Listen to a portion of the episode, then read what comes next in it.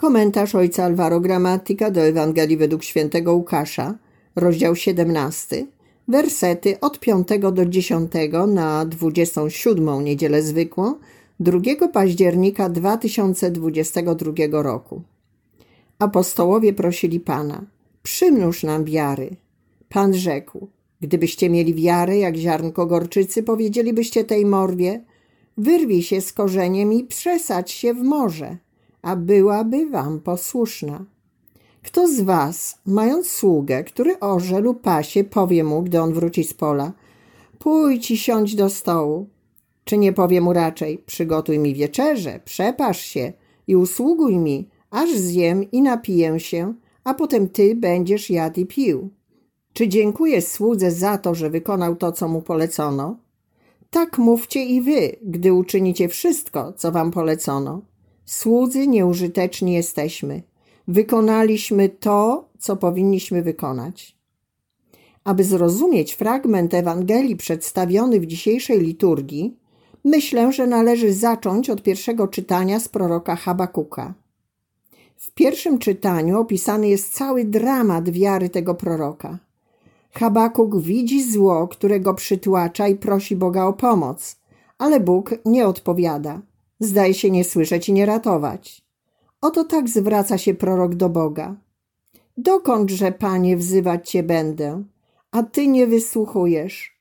Wołać będę ku Tobie, krzywda mi się dzieje, a Ty nie pomagasz. Czemu każesz mi patrzeć na nieprawość i na zło spoglądasz bezczynnie? Nieuchronnie pojawia się zniechęcenie. Tak więc Tora straciła moc swoją. Sprawiedliwego sądu już nie ma. Bezbożny bowiem gnębi uczciwego, dlatego wyrok sądowy ulega wypaczeniu. Habakuk 1:4 Ale czy zatem nadal warto wierzyć? Czy w dalszym ciągu warto prosić Boga o pomoc? Są to uzasadnione pytania, które wypływają z naszych serc. Jest to dramat, którego wszyscy doświadczamy. Chcielibyśmy Boga, który wysłucha i odpowie natychmiast. Boga, który przyzna nam rację i odpowie na nasze modlitwy natychmiast i zgodnie z naszymi oczekiwaniami. Jesteśmy tak pochłonięci tym złem, którego doświadczamy, że myślimy, że nie ma innego rozwiązania niż to, które sami wskazujemy Panu. Jeśli Bóg nie odpowiada od razu i tak jak chcemy, to może dlatego, że nie jest potężny, a może dlatego, że źle widzi naszą sytuację, a może dlatego, że nie kocha nas wystarczająco. Problemem w rzeczywistości nie jest to, czy Bóg jest współczujący, czy nie, czy jest silny, czy nie, ale to, czy my ufamy Jego osądowi. Oceniamy miłość Boga i Jego współczucie na podstawie ogromu obecnego zła. Natomiast Pan osądza na bazie dobra, które może z niego wyprowadzić. Trudno jest przyjąć taki sposób postępowania, ale jest to jedyny sposób, który rodzi zaufanie do Boga i podtrzymuje nas, mężczyzn i kobiety, którzy potrafią być zależni od Niego w ufności i przyjaźni, a nie ze strachu.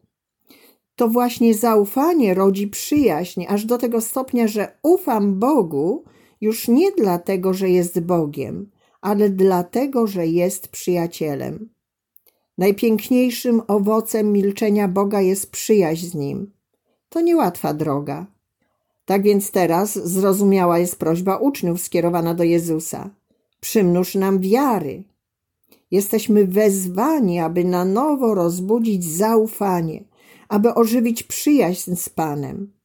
Co robić? Wstrzymać się od sądu i dziękować Panu za wszystko. Innymi słowy, kontynuować swoją pracę, służąc i żyjąc, bez roszczenia sobie prawa do natychmiastowego odpoczynku, zmiany i nagrody. Jest to ufność, którą Ewangelia przekłada na posłuszeństwo. Posłuszeństwo, które potrafi ufać. Taki jest rodzaj wiary, który jest wymagany. Ziarnko gorczycy, które jednak wyrasta na drzewo, czyli na styl życia. Ziarnko gorczycy staje się zatem podziękowaniem i zamknięciem ust przed osądem z ufnością w czas Boży. Nie oznacza to, że mamy przestać prosić, ale mamy trzymać się mocno Bożej wizji i sądu. Jesteśmy wezwani do wejścia w relacje przyjaźni z Bogiem, trwając w powołaniu i w modlitwie wdzięczności, nie osądzając działania Boga, ponieważ On zawsze działa w oparciu o większy dar, który chce nam dać.